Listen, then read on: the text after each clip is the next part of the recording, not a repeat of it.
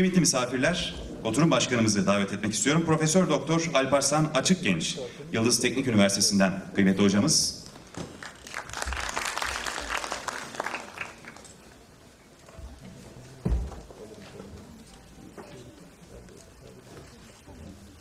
Ve sözü kıymetli oturum başkanımız Profesör Doktor Alparslan Açıkgenç hocama bırakıyorum efendim.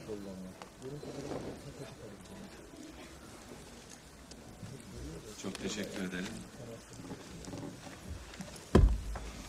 Üç değerli konuşmacımız var bu oturumda. Başlık olarak dünya tasavvuru dikkatimizi çekiyor. Belki e, zaman e, kısıtlı olması açısından fazla söz almak istemiyorum ben. Fakat şuna belki dikkati çekmek gerekir medeniyetlerde genellikle hakim olan bir dünya görüşü vardır. Bu dünya görüşünün yansıtacağı elbette ki bir dünya tasavvuru olacaktır. Bu oturumumuz bu konuya hasredilmiş. Tabi dünya medeniyetlere hakim olan dünya görüşü derken medeniyetin kendisinde olan dünya görüşü değil, elbette ki mensuplarının zihninde olan dünya anlayışı, alem tasavvuru, bunun içerisinde varlık anlayışı, bilgi anlayışı, insan anlayışı, toplum anlayışı, hayat anlayışı vesaire gibi hepsi malum yansıtılmakta. Zannedersem değerli konuşmacılarımız bununla ilgili bazı şeyler, e, görüşlerini bizimle paylaşacaklar. Ee, ilk olarak 29 Mayıs Üniversitesi'nden değerli bir hocamız var. Ee, Tahsin Görgün.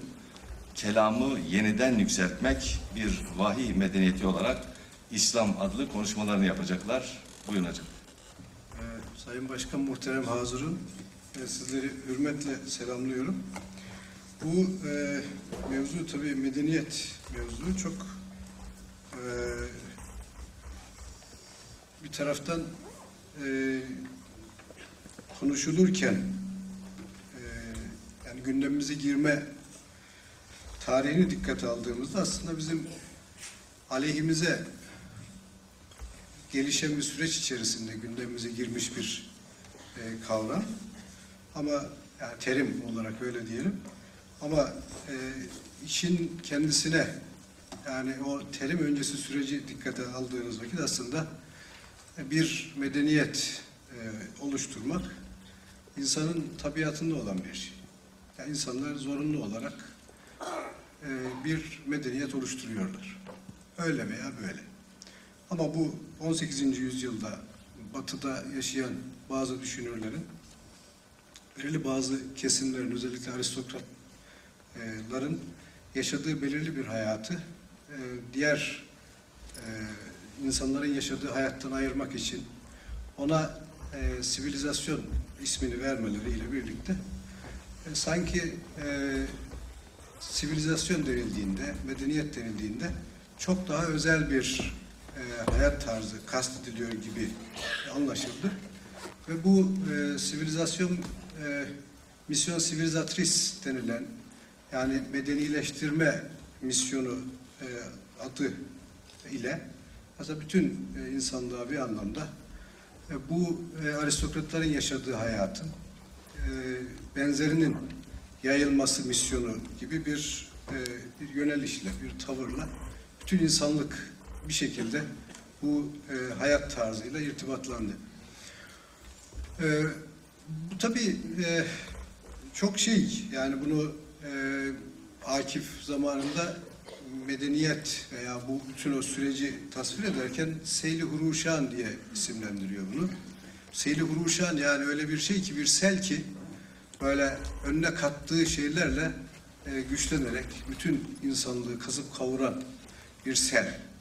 Ve bu selin zaten herhangi bir şekilde merhameti, acıması olmadığı gibi bu misyon sivilizatrisin de hiçbir zaman için hiçbir yerde acıma gibi bir hissi olmadı ve gittiği her yeri tahrip etti. Şimdi bu tahrip e, söz konusu olduğunda sadece kendisinde de kalmış olan bir şey yani sadece başka yerlere tahrip etmekle kalmadı ama zaman içerisinde biraz sonra üzerinde duracağım bazı e, hususlardan dolayı aslında kendisi de zaman içerisinde kendi kendisini kaybetti, yolunu kaybetti. Bu yolu kaybetme tabii çok önemli bir e, husus. Ve bu yolu kaybetmenin gene esaslar üzerinde bazı noktaları işaret edeceğim. Ve bu çerçevede de yine e, ilahi kelamın aslında e, bütün bu süreç söz konusu olduğunda durduğu yer açısından e, yine e, benzer bir konumda e, olduğunu ve ilahi kelamın yine e, insanlık tarihinde başından itibaren sağladığı, insanlığa sağladığı imkanları yine sağlamaya devam edeceğini, zaman içerisinde araya giren bazı engeller olduğunu ve bu engellerin yavaş yavaş keşfedilip aşıldıkça ilahi kelamın etkin varlığını e, önünün açılacağı ve bunun e, devam edeceğini söyleyebiliriz. Bunun e, alametlerini de ilk verilerini de artık yavaş yavaş görüyoruz. Şöyle söyleyebiliriz. 20. yüzyılın başına baktığınızda aynı 7. 7. yüzyılın başında olduğu gibi miladi 7. yüzyılın e, aslında bu Müslümanların yaşadığı bölgelerden insanlığın geleceğiyle alakalı herhangi bir e, büyük hadisenin çıkabileceğine dair bir beklenti yoktu. Yani 20. yüzyılın başında artık yapısal olarak, siyasi olarak bütün dünyayı kontrol eden Batı Avrupalıların, Batı'nın aslında adım adım yavaş yavaş İslamiyet'i de din olarak yeryüzünden kaldıracakları ve bu çerçevede de artık İslamiyet'in ve Müslümanların mirasından e, konuşmanın, mirasından bahsetmenin daha sağlıklı olacağına dair söylem çok güçlüydü. Yani kimse de böyle bir beklentisi yoktu. Ama zaman içerisinde bugün baktığımız vakit medeniyetler çatışması adı altında bir söylem var. Bu söylemde kastedilen aslında iki tane medeniyet var. Birisi İslam medeniyeti, öbürü Batı medeniyeti. Yani gelinen nokta e, 20. yüzyılın başında umulan ve düşünülenin çok çok daha e, ötesinde çok daha farklı bir noktada. Şimdi tabii bizim e, bu süreci daha düzgün e, görebilmemiz için biraz daha tarihi sürece ufak bir atfı nazarda bulunmamız gerekiyor. Bu atfı nazarda tabii temel kavram yine belki hakikatle irtibatlı ama aynı zamanda dolayısıyla hakikati dile getiren önemli vasat ve vasıta olarak vahyi dikkate almamız lazım. Söz konusu olan yani son iki asrı özellikle iki veya üç asrı dikkate aldığımızda da hemen aklımıza zorunlu olarak bütün bu istilayı dünyanın mevcut formel şeklini oluşturan Batı'yı dikkate almamız gerekiyor. Batı'yı dikkate aldığımızda da e, Batı'da tabii vahiy söz konusu olduğunda ne düşünülür? Onunla ilgili çok kısa bir iki hususu işaret edeyim. Vahiy denildiğinde tabii esas itibariyle Hz. İsa kastedilir Batı Avrupa'da. Hz. İsa vahiydir, kelamdır. Yani kelimedir, logostur. Öyle olduğu için yani şeyde genellikle İncil'lerin e, Kur'an-ı Kerim gibi bir kitap olduğunu zannedip İncil'lerle Kur'an-ı Kerim arasında mukayeseler, kıyaslar, kıyaslar yapan, mukayeseli araştırmalar yapanlar aslında yanlış iki şeyi birbiriyle mukayese ediyor. Onun altını çizmek lazım. Yani İncil'ler herhangi bir şekilde normal Hristiyan kültürü, dini içerisinde İslamiyet'teki Kur'an-ı Kerim'in konumuna denk değil. İslamiyet'te Kur'an-ı Kerim'in konumuna denk olan Hristiyanlıkta Hz. İsa'nın bedenidir, kendisidir yani. Öyle olduğu için bir defa onun e, farkında olmak lazım. Ve bu Hz. İsa sembolik olarak ve bir sonraki dönemlerde hakiki olarak öyle kabul edildi. Kilise olarak tecessüm etti. Aslında kilise hakikatin tecessüm etmiş haliydi. Hz. İsa nasıl ki zamanında vahiy olarak hakikatin yani Tanrı'nın görünür hale gelmesiydi. Daha sonraki dönemlerde de kilise kendisini Tanrı'nın görünür hali olarak kurguladı, öyle anlattı. Ve bu çerçevede de kilisenin içinde bulunan, başında bulunan Papa hala öyle bir inanç devam eder Katolikler arasında. Hala düzenli olarak Tanrı ile irtibat halindedir ve vahiy alır. Böyle bir anlayış vardır. Öyle olduğu için de papaların yanılmazlığı hala devam eden bir dogma, dogma olarak devam eder. Tabii bu e, anlayış özellikle 17. yüzyıldan itibaren yavaş yavaş sarsıl- sarsılmaya başladı ve 18. yüzyılda e, bayağı geniş kesimler Batı Avrupa'da vahyin içeriğini ve formunu yeniden tanımladılar. Bu tanımlamada doğrudan doğruya İslam düşüncesiyle, İslam dünyasıyla irtibatı yani çok açıkça görebiliriz. Teferruat üzerinde burada durmaya gerek yok. Ama sadece şunu ifade edeyim.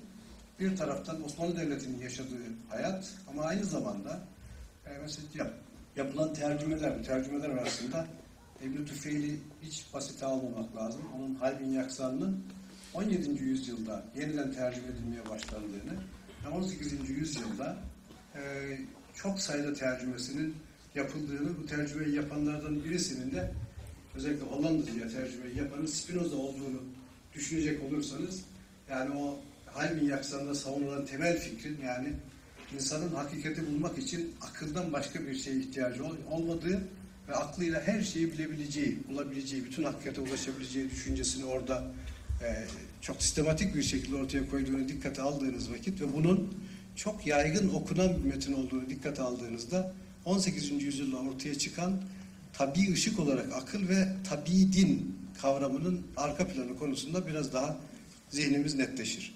Demek ki Batı Avrupa'da ortaya çıkan ve 18. yüzyılda bildiğimiz tabi din, tabi teoloji yaklaşımı esas itibariyle İslam dünyasının entelektüel manada parçası olmaya devam eden Batı Avrupa'nın e, Ba- Batı Avrupa'daki bir tesiri olarak e, algılanması, yorumlanması lazım. Bunların gerekçelerini belki çok daha uzun, çok daha farklı e, şekillerde teferruat olarak konuşmak lazım. Ama burada tabii e, insanın tabiatında ve yani aklında aslında Tanrı'nın insana hakikati bildirdiği kanaati tabii esas özellikle Fransız devrimiyle birlikte ki onu önceleyen düşünürlerde de bu çok açık bir şekilde vardı ki mesela Montesquieu'nun kanunların ruhunu dikkatlice incelerseniz orada birinci baskısında önce e, çok esaslı bir şekilde şunun üzerinde durur. Tanrı insana e, kendi hayatını düzenleyecek gerekli bilgileri ona vermiştir. Ve insan e, kendi tabiatında kendi varlığını devam ettirmek ve medeniyet oluşturmak için gerekli olan bütün bilgilere sahiptir. Önemli olan bu bilgiler, bu verileri geri, geri yani uygun bir şekilde kullanmasıdır. Bunu kullanma söz konusu olduğunda da ki özellikle Rousseau'nun altını çizdiği ve belirli bir tarihi olan Kant'la vesaireyle daha da derinleşen temelleri daha ciddi şekilde temellendirilen sosyal sözleşme fikri tabii çok önemli. Ve ilginç bir şekilde insan tabiatında hakikatin bulunduğuna dair düşünce hakikatin toplumsal sözleşme yoluyla tahakkuk edeceğine dönüşünce bu tabii esaslı bir ve yepyeni bir kavramı, politika kavramını ki bunu özellikle e, Montesquieu e, kanunların ruhunun ikinci baskısına yazdığı kısa girişte açıkça ifade eder. Burada benim bahsettiğim faziletler siyasi fazilettir. Dini veya ahlaki e, veya aristokratik fazilet değil. Ve şey olarak da üzerinde durduğu tanımlarken de siyasi fazileti açıklarken kullandığı tabir şu. insanın vatanına ve vatandaki kanunlara bağlılığıdır siyasi fazilet insanı e, bir siyasi birim olarak ortaya çıkmış ve var olan bir düzendeki kanunlara bağlılık üzerinden e, tanımlayan yani fazilet onun üzerinden tanımlama ve bunu buna endeksli olarak e, hayatın geri kalan kısımlarını yeniden değerlendirme tabi özellikle 18. yüzyılın sonunda ortaya çıkan ve yavaş yavaş işte çok çeşitli alanlarda pozitivizmin çok çeşitli türleri olarak karşımıza çıkan ve e, nihai olarak hakikati e, toplumda e, bulan, işte sosyolojizm de olarak bildiğimiz hakikatin aslında toplumsal hayatın bir fonksiyonu olduğunu söyleyen tavır ortaya çıktı ki bunun bir adım sonrasında zaten işte Nietzsche'nin altını çizdiği aslında hakikatin e, keşfedilmeyip icat edildiği fikrini intihac etti. O zaman esas itibariyle 20. yüzyılın başına geldiğimizde demek ki Batı dünyasında tayin edici olan düşünce hakikatin keşfedilen, bulunan, ulaşılan bir şey olmayıp insanların bil fiil inşa ettiği bir şey olduğu ve öyle olduğu için de hakikatin doğrudan doğruya insanlara bağlı e, olduğu düşüncesi tabii etkin oldu ve bunu çok hızlı geçeyim. 20. yüzyılın e, sonlarına doğru geldiğimizde ki o bütün modernite, postmodernite tartışmalarından sonra Amerikan filozofu Richard Rorty'nin tasnifiyle şöyle ifade edelim. Hakikat inşa edilen bir şey ama bu inşayı kim gerçekleştiriyor? Ve geriye doğru bakıldığında üç tane temel çizginin olduğunu söylüyor Rorty. Bunlardan birisi hakikati bilim inşa eder. Bütün o konstrüktivist, yapılandırmacı vesaire tavırla alakalı olarak öyle ifade edebiliriz. Hakikat o zaman yani bilimin veya felsefenin inşa ettiği bir şeydir. İkinci yaklaşım, ana çizgi hakikati aslında sanatın inşa ettiği. Ve bu çerçevede özellikle sanatın çok çeşitli türleri ama görsel sanatlara burada özellikle 20. yüzyılda özel bir yer vermek lazım. Görsellik üzerinden bütün bir algıyı ve hakikatle ilgili tasavvurlarımızı, ta- tasavvurlarımız üzerinde tasarrufta bulunmak yani modern içinde yaşadığımız belki dünyanın çok çok önemi. Burada hakikat esas itibariyle görsellik üzerinden sürekli değiştirilen ve tasarrufta bulunan bir, bir tür fonksiyon haline getiriliyor. Diğer üçüncü çizgi ise esas itibariyle hakikati siyasetin e, gerçekleştirdiği ve siyasetin fonksiyon olarak tanımlıyor. Siyasetin fonksiyon olarak tanımlandığında da orada da as- aslı e, esas itibariyle hakikat iradeye tabi hale geliyor ve irade esas itibariyle her şeyi belirliyor. Bu normal Batı dünyasındaki gelinen nokta ve e, şey söz konusu olduğunda yani Rorty'nin gene temel sorduğu sorulardan birisi acaba bilimsel faaliyetin amacı hakikate ulaşmak olabilir mi? Rorty'nin verdiği cevap açık. Yani hakikat diye orada duran bir şey yok ki bilimsel faaliyetin amacı ona ulaşmak olsun. Bilimsel faaliyet kendi hakikatini icat eder. Sanat kendi hakikatini icat eder. Siyaset kendi hakikatini icat eder. Öyle olunca tabii bütün bunlar söz konusu olduğunda birileri de çıkıp bir noktadan sonra aslında hakikat diye bir şey olmadığına göre herkes kendi başının çaresine bakma durumunda anything goes. Yani her şey caizdir. Bu postmodern söylem dediğimiz söylemde gelinen nokta burası. Şimdi bunu 90'lı yıllardaki tasavvurları, düşünceleri dikkate aldığımız vakit bütün o pluralizm, pluralite vesaire ilgili tartışmalar özellikle Batı dünyasında ve bütün bunlara noktayı koyan bir 11 Eylül hadisesi ve siyasetin yeniden e, sanat ve e, bilim üzerinde ön plana çıkarak bütün bir dünyada artık iradenin e, bütün şey üzerinde, hakikat üzerinde e, tahakkümde bulunduğu bir dönemi şu anda yaşıyoruz. Ama bu tabii artık 19. yüzyıl olmadığı için orada çok çeşitli faktörler devrede arzu edildiği gibi başarılı olma imkanı yok. Şimdi burada tabii önemli olan nokta şurası. Aslında e, 18. yüzyılda oluşan ve 19. yüzyılda ortaya çıkan tavırda fark edilen nokta şurası. Bizim yaşadığımız dünyanın bize bağlı olması ve bu dünyayı bizim kendimizin inşa etmesi. Bu zaten aydınlanma dediğimiz düşüncenin esasını teşkil ediyor. Yani aydınlanma esas itibariyle insanların kendi oluşturduğu dünyada, kendi inşa ettiği dünyada yaşadıklarını fark etmeler. Şimdi bunu dikkate aldığımız vakit Montesquieu'da hala bu insanın e, kendi dünyasını inşa etmesinde ilkeler hala belirsiz bir şekilde Tanrı'dan geliyor. İnsan tabiatındaki o tabi dinin belli ölçüde bir parçası olarak diyebileceğimiz, düşünebileceğimiz şekilde Tanrı'dan geliyor. Tanrı ile gevşek bir irtibatı var. Bunu o dönemde yazılmış olan Amerikan Anayasası'nda da görebilirsiniz. Yani Amerikan Anayasası'nda da e, içeriği çok da belli olmayan bir Tanrı irtibatı vardır. Ve bu Tanrı irtibatı esas itibariyle aydınlanmadaki düşünceyi ifade eder. İslam dünyası Batı'nın 19. ve 20. yüzyılı manada manasında bir dünya bir dönem yaşamadı. Şimdi burada tabii 19. 20. yüzyıl söz konusu olduğunda İslam dünyasındaki sürece şöyle bak bakarsak İslam dünyasında tabii bir sömürgeleşme süreci yaşandı. Ve bu sömürgeleşme sürecinde çok çeşitli tasnifler vesaire yapılabilir ama iki ana tasnif çok önemli. Birisi e, şeylerin e, böyle insanların yani Türkiye gibi kendi kendisini kendi kendisine sömürge muamelesi yapması. Yani kendisini kendi kendisini fikren, ilmen, hukuki olarak, siyasi olarak sömürgeleştirmesi. Ama diğer taraftan da İslam dünyasının büyük bir kısmı fiili olarak sömürgeleştirildi. Bu sömürgeleştirilme aslında siyasetin bütün alanlar üzerinde tahakküm kurması anlamına geliyordu. Yani siyaset bütün alanlarda, yani mesela diyelim e, ilim ne olacak, ilmin ne olacağını artık bilim adamları veya işte üniversitedeki hocalar değil, tamamen işte siyasi merkezde bulunan ve gücü elinde bulunduran kimlerse onlar karar veriyor. Bu aslında ilginç bir şekilde büyük ölçüde hala da devam ediyor. Şimdi bu tabi batıda olduğu gibi hakikat alanında üç ayrı alanın oluşması ve bunların birbiriyle irtibatsal, irtibatsızlaşması şeklinde devam etmedi.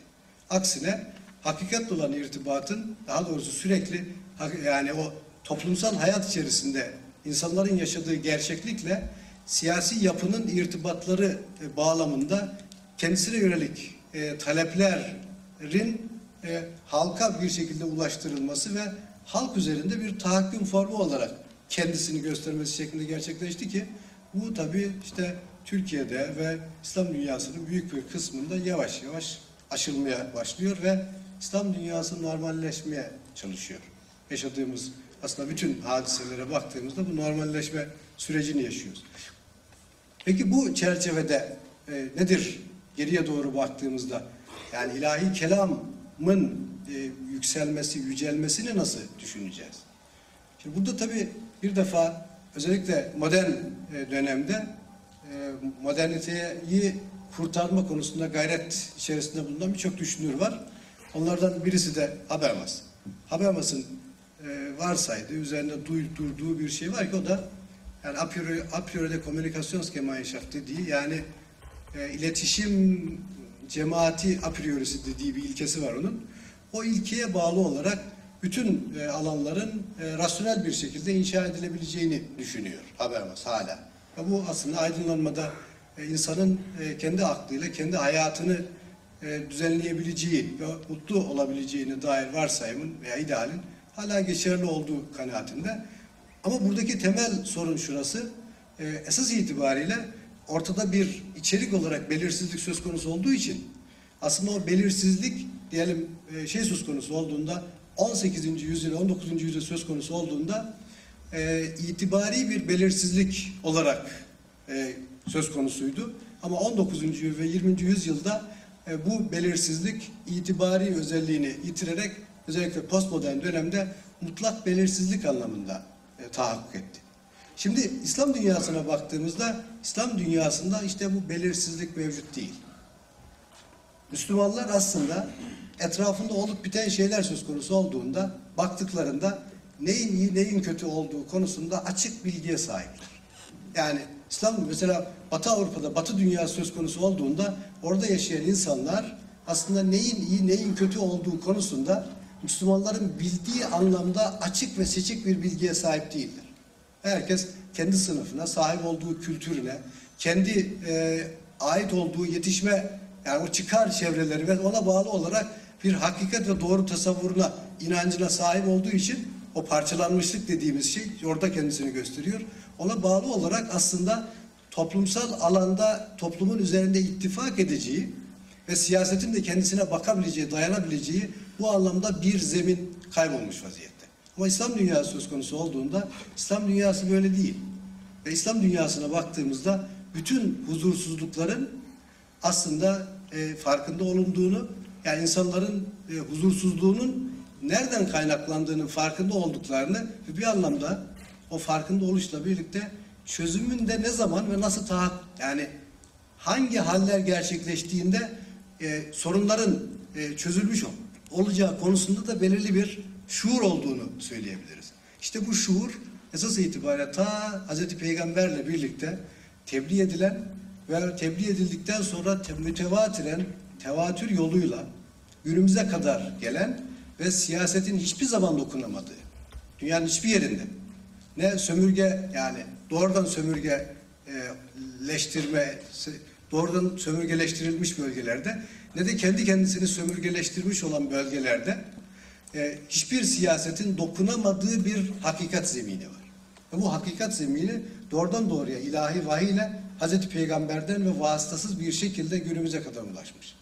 Şimdi önemli olan nokta şurası. Mütevatir olan olarak gelen ile onun e, sistematik bir şekilde kendi kendisini inşa ettiği, inkişaf ettiği e, formlar olan çeşitli kurumlar e, epeyce tahrip edildi. Mesela e, bir örnek verip hemen e, bitireceğim. Mesela işte son zamanlarda çokça üzerine durulan üniversite reformu vesaire konuları konuşuluyor Türkiye'de. Türkiye'den olsun örneğimiz. Şimdi Türkiye'ye baktığımızda Türkiye'de üniversite 1933'lerde e, pozitivist çok sayıda ilim adamına e, dünyanın hiçbir yerinde, batıda, batı dünyasında da sahip olamayacakları şekilde tam da ideallerine uygun bir pozitivist üniversite kurma imkanı sağlamak şeklinde verilen bir imkana bağlı olarak kuruldu. Ve Türkiye'de hakikaten de dine hiçbir yön- yönden yer vermeyen, bina olarak da yer vermeyen bir üniversite kavramı e, oluştu.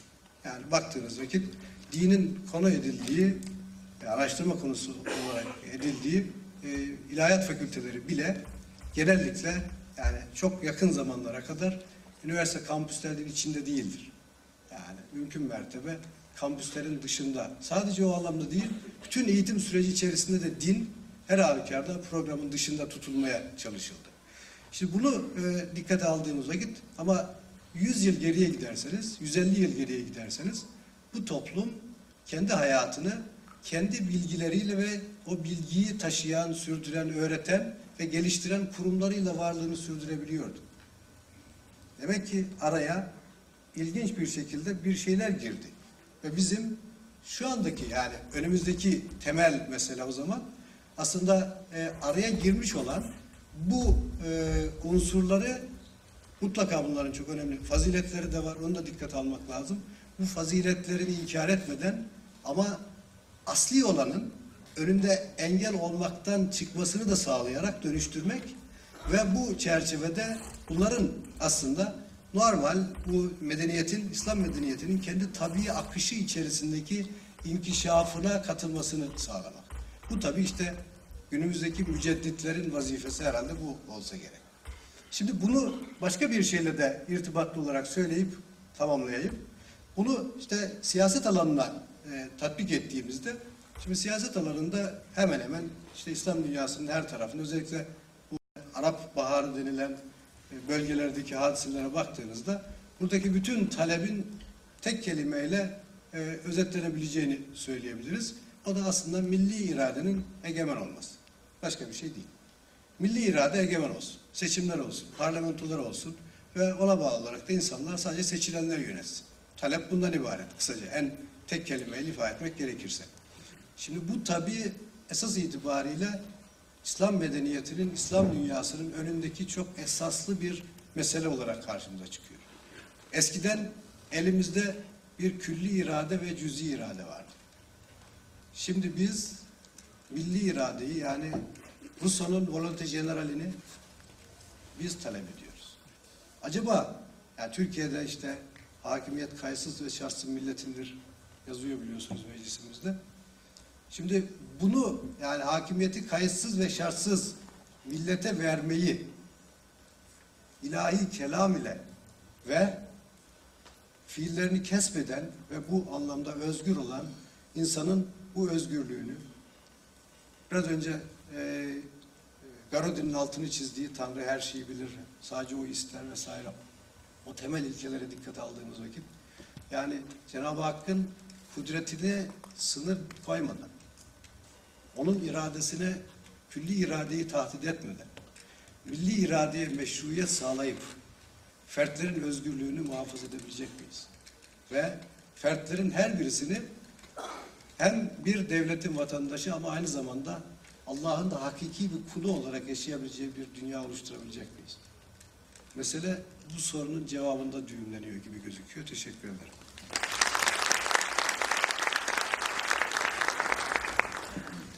Çok teşekkür ederim. Çok e, güzel ve önemli bir konuşma yaptı Tahsin Hocam. E, şuraya vurgu yapmak lazım. İlahi kelam deyince e, kelam malum bizde bir de ilmi kelam e, kavramı var. Bununla karıştırılmaması lazım. Bu yüzden ilahi e, kelimesiyle açıklık getirilmiş oluyor konuya. Ama benim anladığım özet olarak insanlık tarihi içerisinde özellikle medeniyetleşme veya medeniyetlerin bugünkü geldiği seviyede ilahi kelamın insan, toplum ve tarih düzeyinde yavaş yavaş dışlandığı ve nihayet bugünkü çarpık bir duruma düştüğümüzü güzel bir şekilde dile getirdiler ve Sonuç olarak da ilahi kelamın yine bu üç boyutta insan, toplum ve tarih belki e, felsefi bir dille ifade etmeye çalışacak olursak şöyle de diyebiliriz. E, varlık, bilgi ve insan boyutunda gerektiği yere yerleştirilmesi hususunu çok güzel bir şekilde ifade edip dile getirdiler. E, çok teşekkür ediyoruz. E, ikinci konuşmamız e, e, konuşmasının başlığı hakkında bir iki şey söylemeden geçemeyeceğim. E, değerli e, düşünürlerimizden Yusuf Kaplan e, Sünnet-i Seniyye ve Fütuhat-ı Medeniye e, malum İngilizce tercümesinde e, Arapçalar aynen verilmiş. Belki Prophetic Tradition Fütuhatı da e, açılım olarak anlıyorum ben. E, özellikle İbn Arabi'nin e, Fütuhat-ı Mekkiye e, kavramını dikkate alacak olursak belki e, İngilizce'de sevmeyeceğimiz bir kavram kullanmak zorundayız burada ama çevirirken ha, civilizational e, disclosure, disclosure maybe, disclosure belki daha güzel olabilir. Türkçe olarak da medeni açılım belki olabilir. Peki buyurun teşekkür ederim. Teşekkürler hocam. Arkadaşlar e, hepinizi e, saygıyla sevgiyle selamlıyorum. Şimdi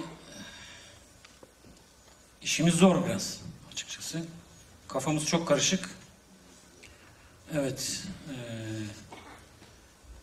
şimdi aslında benim e, üzerinde e, kafa patlattığım e, bir mesele bu uzun zamandır, 13-14 senedir e, üzerinde kafa patlattığım bir mesele.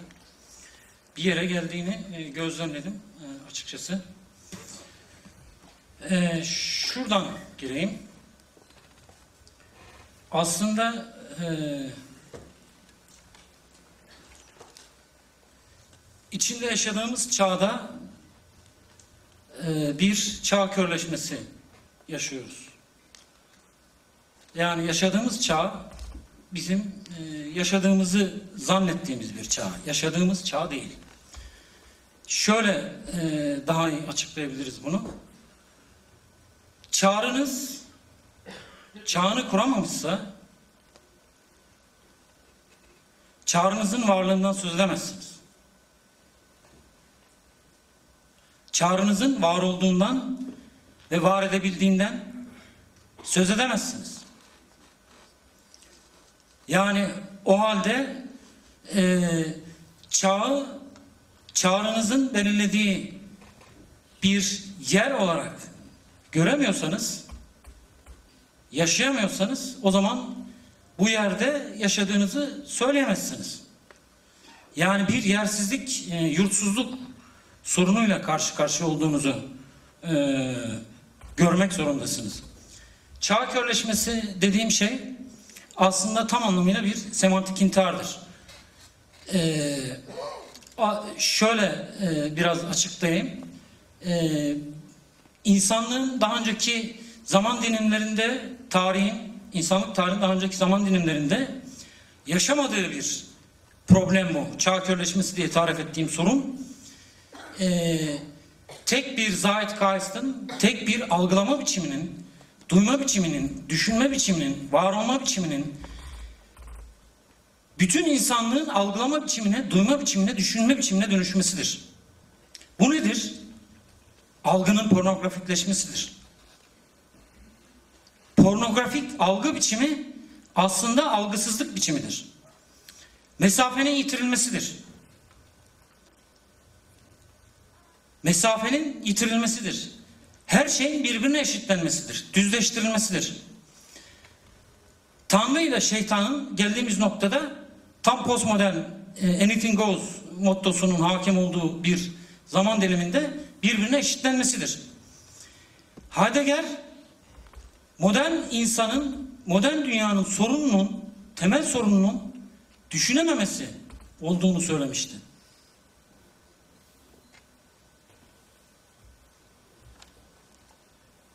İnsanın temel sorunu düşünememesi. Şimdi şöyle, bu söylemek istediğim şeyi şöyle açıklayabilirim. Aslında e, akla dayalı e, Tahsin Hoca'nın e, çok enfes bir şekilde özetlediği aklı putlaştıran bir e, uygarlığın e, insanın düşünme imkanlarını geliştirebileceğini düşünebiliyor muyuz biz? Biz böyle düşünüyoruz. Yani bizim e, başından itibaren düşündüğümüz şey, bize öğretilen şey, e, bütün dünyaya da e, öğretilen şey, e, dayatılan şey açıkçası akıl ile düşünebileceğimiz gerçeğidir. Halbuki Heidegger bize şunu net bir şekilde söyledi. Bunu Heidegger'den aktarmama gerek yok. Biz bunu biliyoruz zaten. Bunu İslam düşüncesinden, İslam düşüncesinin zirvelerinden, özellikle tasavvuf düşüncesinin zirvelerinden biliyoruz.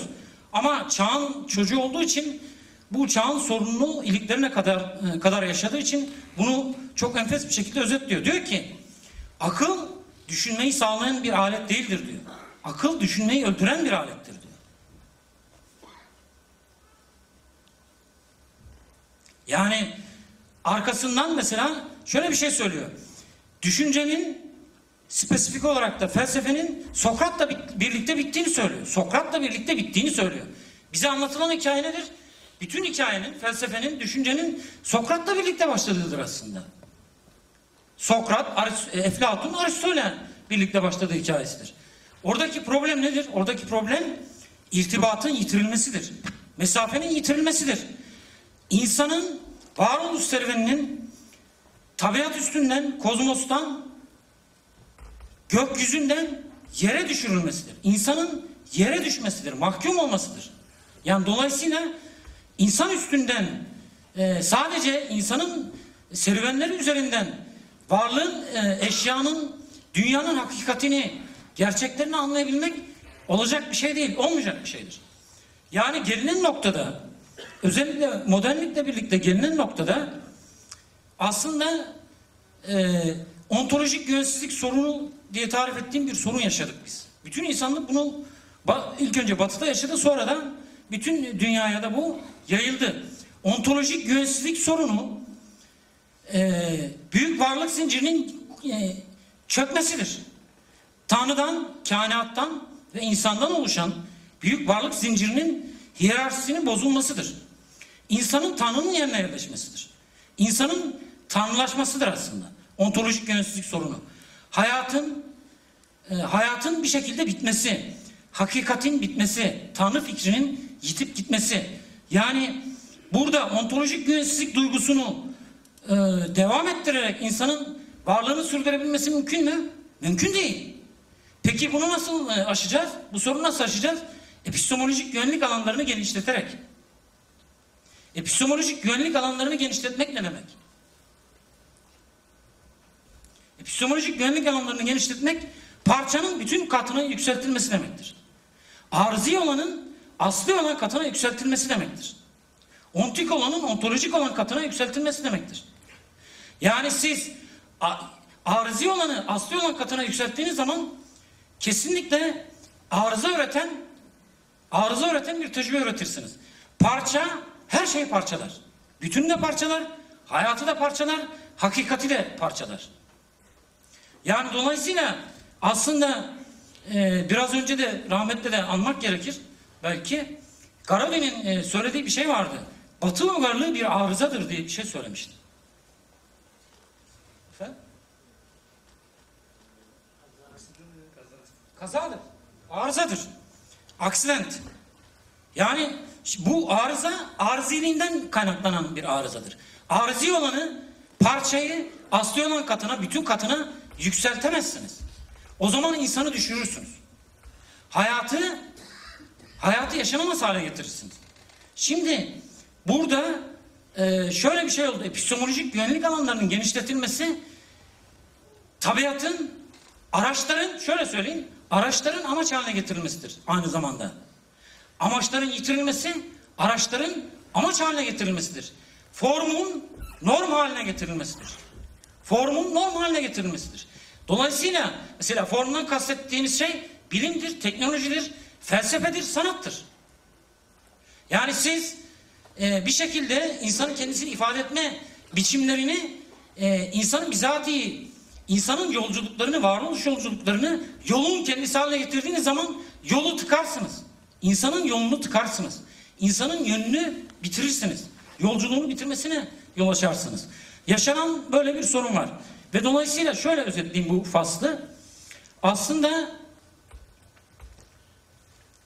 bu mo- mo- modernlikle birlikte modernlikle birlikte insan unuttu. Modernlik unutmaktır. Modernlik hakikatin unutulması, hayatın unutulması, insanın unutulması aslında. Yani gelinen noktada biz bunu görüyoruz. Postmodernlik unutmanın unutulmasıdır.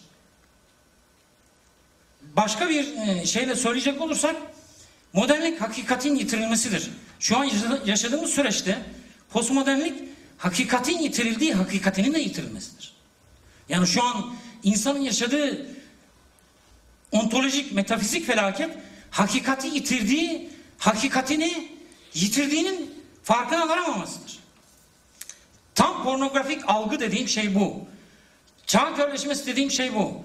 Yani burada şöyle bir şeye mahkum. Bütün insanlığın e, bütün insanlığın eşiğine sürüklendiği şey şu. Ee, insanlık bütünüyle batıya mahkum, batıya mahkumiyet yaşıyor ve kendinden mahrumiyet yaşıyor. Şu an yaşadığımız süreçte insanlığın e, batıya mahkum olduğu bir şeyden bahsediyoruz ve kendinden mahrum olduğu bir şeyden bahsediyoruz.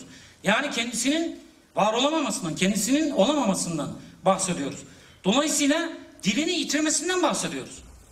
Dilini yitirmesinden bahsediyoruz. Medeniyet dili aslında e, hakikatin hem kurucu hem de koruyucu hem yaratıcı hem de kanatlandırıcı ana kaynağıdır. Medeniyet dilini yitiren toplumlar kesinlikle düşünemezler. Düşerler. İki anlamda düşerler. Biri, birincisi başkalarının peşine düşerler. İkincisi de yere, sere serper. Şu an yaşadığımız şey tam böylesi bir şey. Bütün insanlığın yaşadığı şey böylesi bir şey. Yani o yüzden bizim medeniyet meselesi üzerinde biraz kafa yormamız gerekiyor. Fakat medeniyet meselesi üzerinde kafa yorabilecek durumda değiliz. Çünkü dediğim gibi bu çağ körleşmesi özellikle de e, tarihlerinde ikinci büyük ikinci büyük medeniyet krizini yaşayan Müslüman toplumlar için biraz zor. Ama aynı zamanda da kolay. Yani bu neden zor, neden kolay? Bu paradoksu birazdan e, aşacak bir iki cümle kurabilirim. Şimdi şu, biz aslında psi, psişe bozukluklarıyla hayatımızı sürdürüyoruz.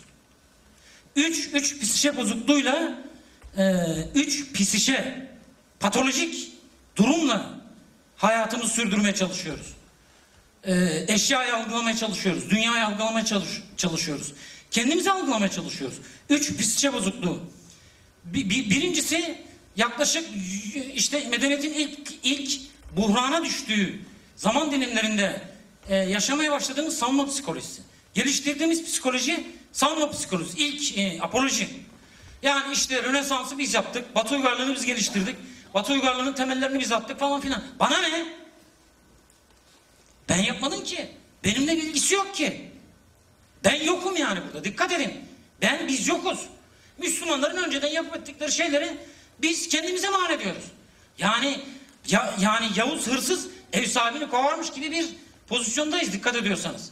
Apoloji savunma psikolojisi hastalıklı bir psikolojidir. İkinci psikolojisi bu mesela Osmanlı ile birlikte bizim e, coğrafyamız üzerinden gidecek olursak Osmanlı ile birlikte belirginleşti. Cumhuriyetle birlikte yani medeniyet krizinin e, bir şekilde hissedilmeye başlandığı, iliklerimize kadar hissedilmeye başlandığı süreçte yerini yenilgi psikolojisine terk etti. Savunma psikolojisi yenilgi psikolojisine dönüştü. İşte biz yenildik. Ya yenmek ne, yenilmek ne? Bizim kavramlarımız değil ki. Bizim yenmek gibi, yeni, yenmek gibi bir derdimiz yok. Yani biz güç üzerinden, iktidar üzerinden, bilginin güç olduğu algısı, anlayışı üzerinden eşyaya, kainata, dünyaya bakan insanlar değiliz ki. Böyle bir medeniyet çocukları değiliz ki. Bizim için asıl olan şey olmaktır. Sahip olmak değil. Olan insan başkalarının da insan olduğunu anlayabilir, fark edebilir. Olma yolculuğuna çıkan insan, sahip olma yolculuğuna çıkan insan sahip olduğu şeyin kendisine sahip, ol, sahip olduğunu fark edemez. Sahip olduğunuz şey size eninde sonunda sahip olur. Bugün bu ontolojik güvensizlik duygusunun getirdiği epistemolojik güvenlik alanlarını genişletme çabasının teknolojiyi, bilimi, askeri teknolojiyi, tüketim teknolojisini, tüketim kültürünü geliştirmemizin e, bu kadar geliştirmemizin bizi getirdiği nokta ne kadar tüketiyorsak o kadar tükeniyoruz. Tükettikçe tükeniyoruz. Asıl olan şey e, sahip olmak değil, olmaktır. Olduğunuz ölçüde gözünüz açılır, görebilirsiniz. Hocam kaç dakikam var benim?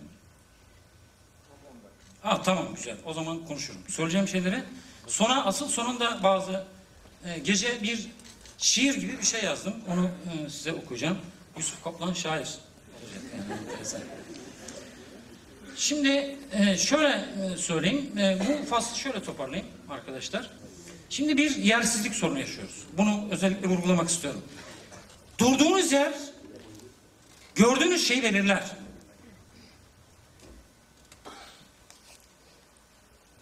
Bakın yani üçüncü psikolojide söyleyeyim. Üçüncü psikoloji e, şu an bizim yaşadığımız 50-60 senedir yaşadığımız yoğun olarak da son 20-30 yıldır yaşadığımız psikoloji yamama veya yamanma psikolojisi. Şimdi yenilgi psikolojisiyle işte bir ile- ilerleme gerileme mantığından bahsettik. Dikkat edin. Yani e, bir işte bir batılılar ilerledi biz geriledik. Ya ilerlemek ne demek? Gerilemek ne demek? Yani iler yani ilerleyince ne yapmış oldu? Ee, ilerleyin yani teknolojide bir ilerleme var. Bunu kabul ediyoruz. Yani tırnak içinde bir büyüme var, bir kabarma var. Bir palazlanma var. Sonuçta sovat diyoruz hani. Sonuçta ne? Bu niceliksel bir ilerlemedir.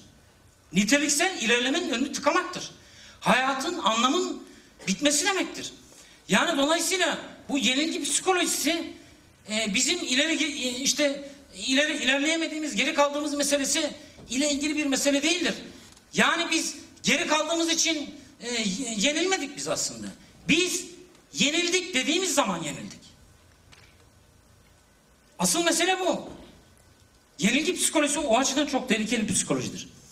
Yani üçüncü yamanma psikolojisi şu an içinden geçtiğimiz süreç yani bütün başından itibaren bu var aslında. Bu yamanma psikolojisi bunlar iç içe geçmiş e, psikolojiler bence. Ee, yani başlangıçta da bunun izlerini görebilirsiniz.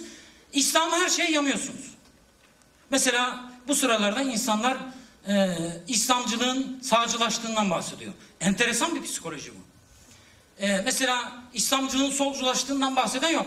Bir eziklik psikolojisi var burada. Enteresan bir şekilde. Sol, solculara karşı, Türkiye'deki sosyalistlere karşı iktidar onlar çünkü. Yani kültürde kültürde hala bu ülkede iktidar onlar. Kültürde iktidar değilseniz, kültürde yoksanız yoksunuz. Yaşadığımız çağ, kültür çağı. Şimdi e, enteresan olan şey şu. Yani İslam işte demokrasi, insan haklarına, özgürlüklere falan yamıyoruz.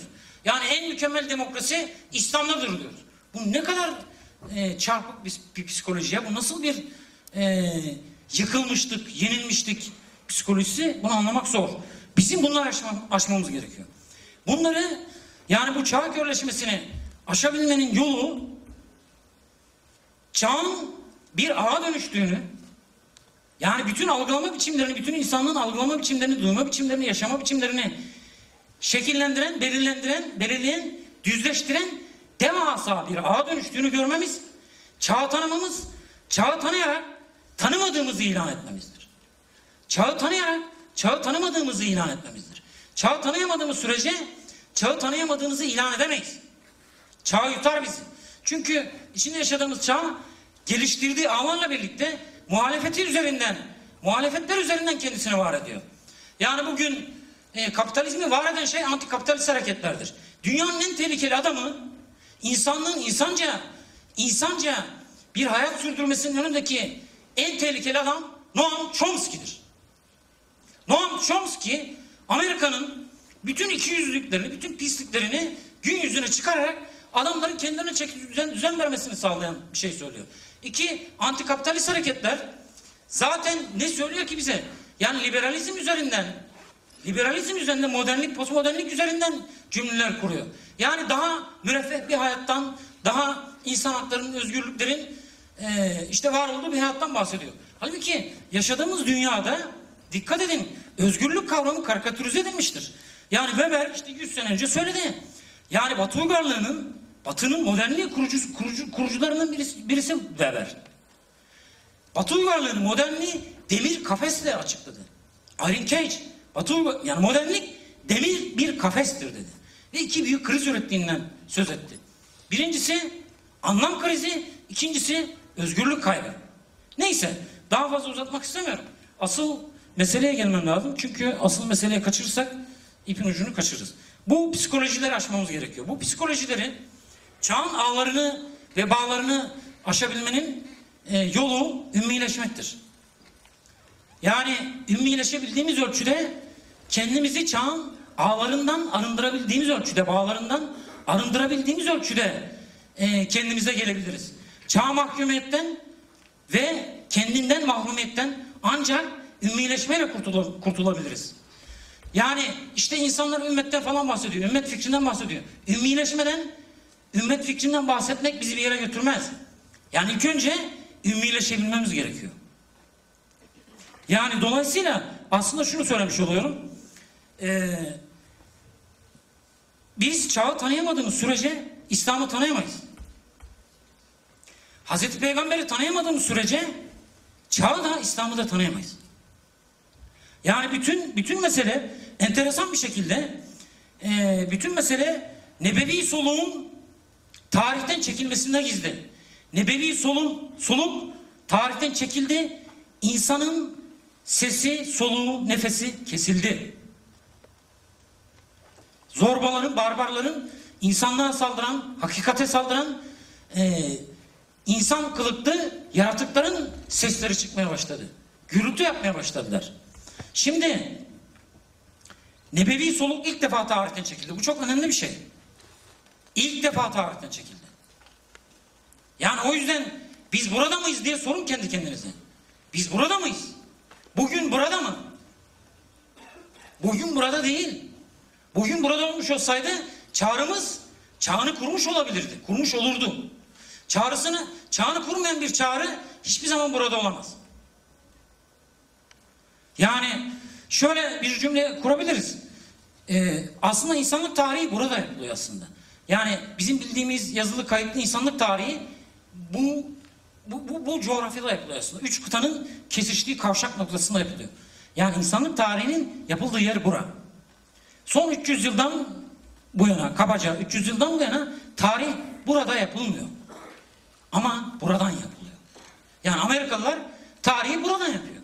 Yani Amerikalılar, Avrupalılar çekip gitmiş olsalar Balkanlardan, Kafkaslardan, Orta Doğu'dan ve Hinterland'ından çek- çekip gitmiş olsalar işte Latin Amerika'ya, Amerika'ya kapanmış olsalar, kendi kıtalarına kapanmış olsalar tarihi yapabilirler mi? Mümkün değil. Olmayacak bir şey bu. Bu biraz da eşyanın tabiatına aykırı. Neden aykırı? Bunu ayrıca konuşuruz. Ne, nedeni de en önemli, belki en önemli nedeni şu. Peygamberi soluğun buradan çıkmış olması, buradan yaşanmış olması. Hakikatin kaynağı, menbaı, pınarı, kurucusu ve koruyucusu koruduğu yer, e, kuru, ku- kurulduğu yer burası. Yeşerdiği yer burası. Meyveye durduğu yer burası.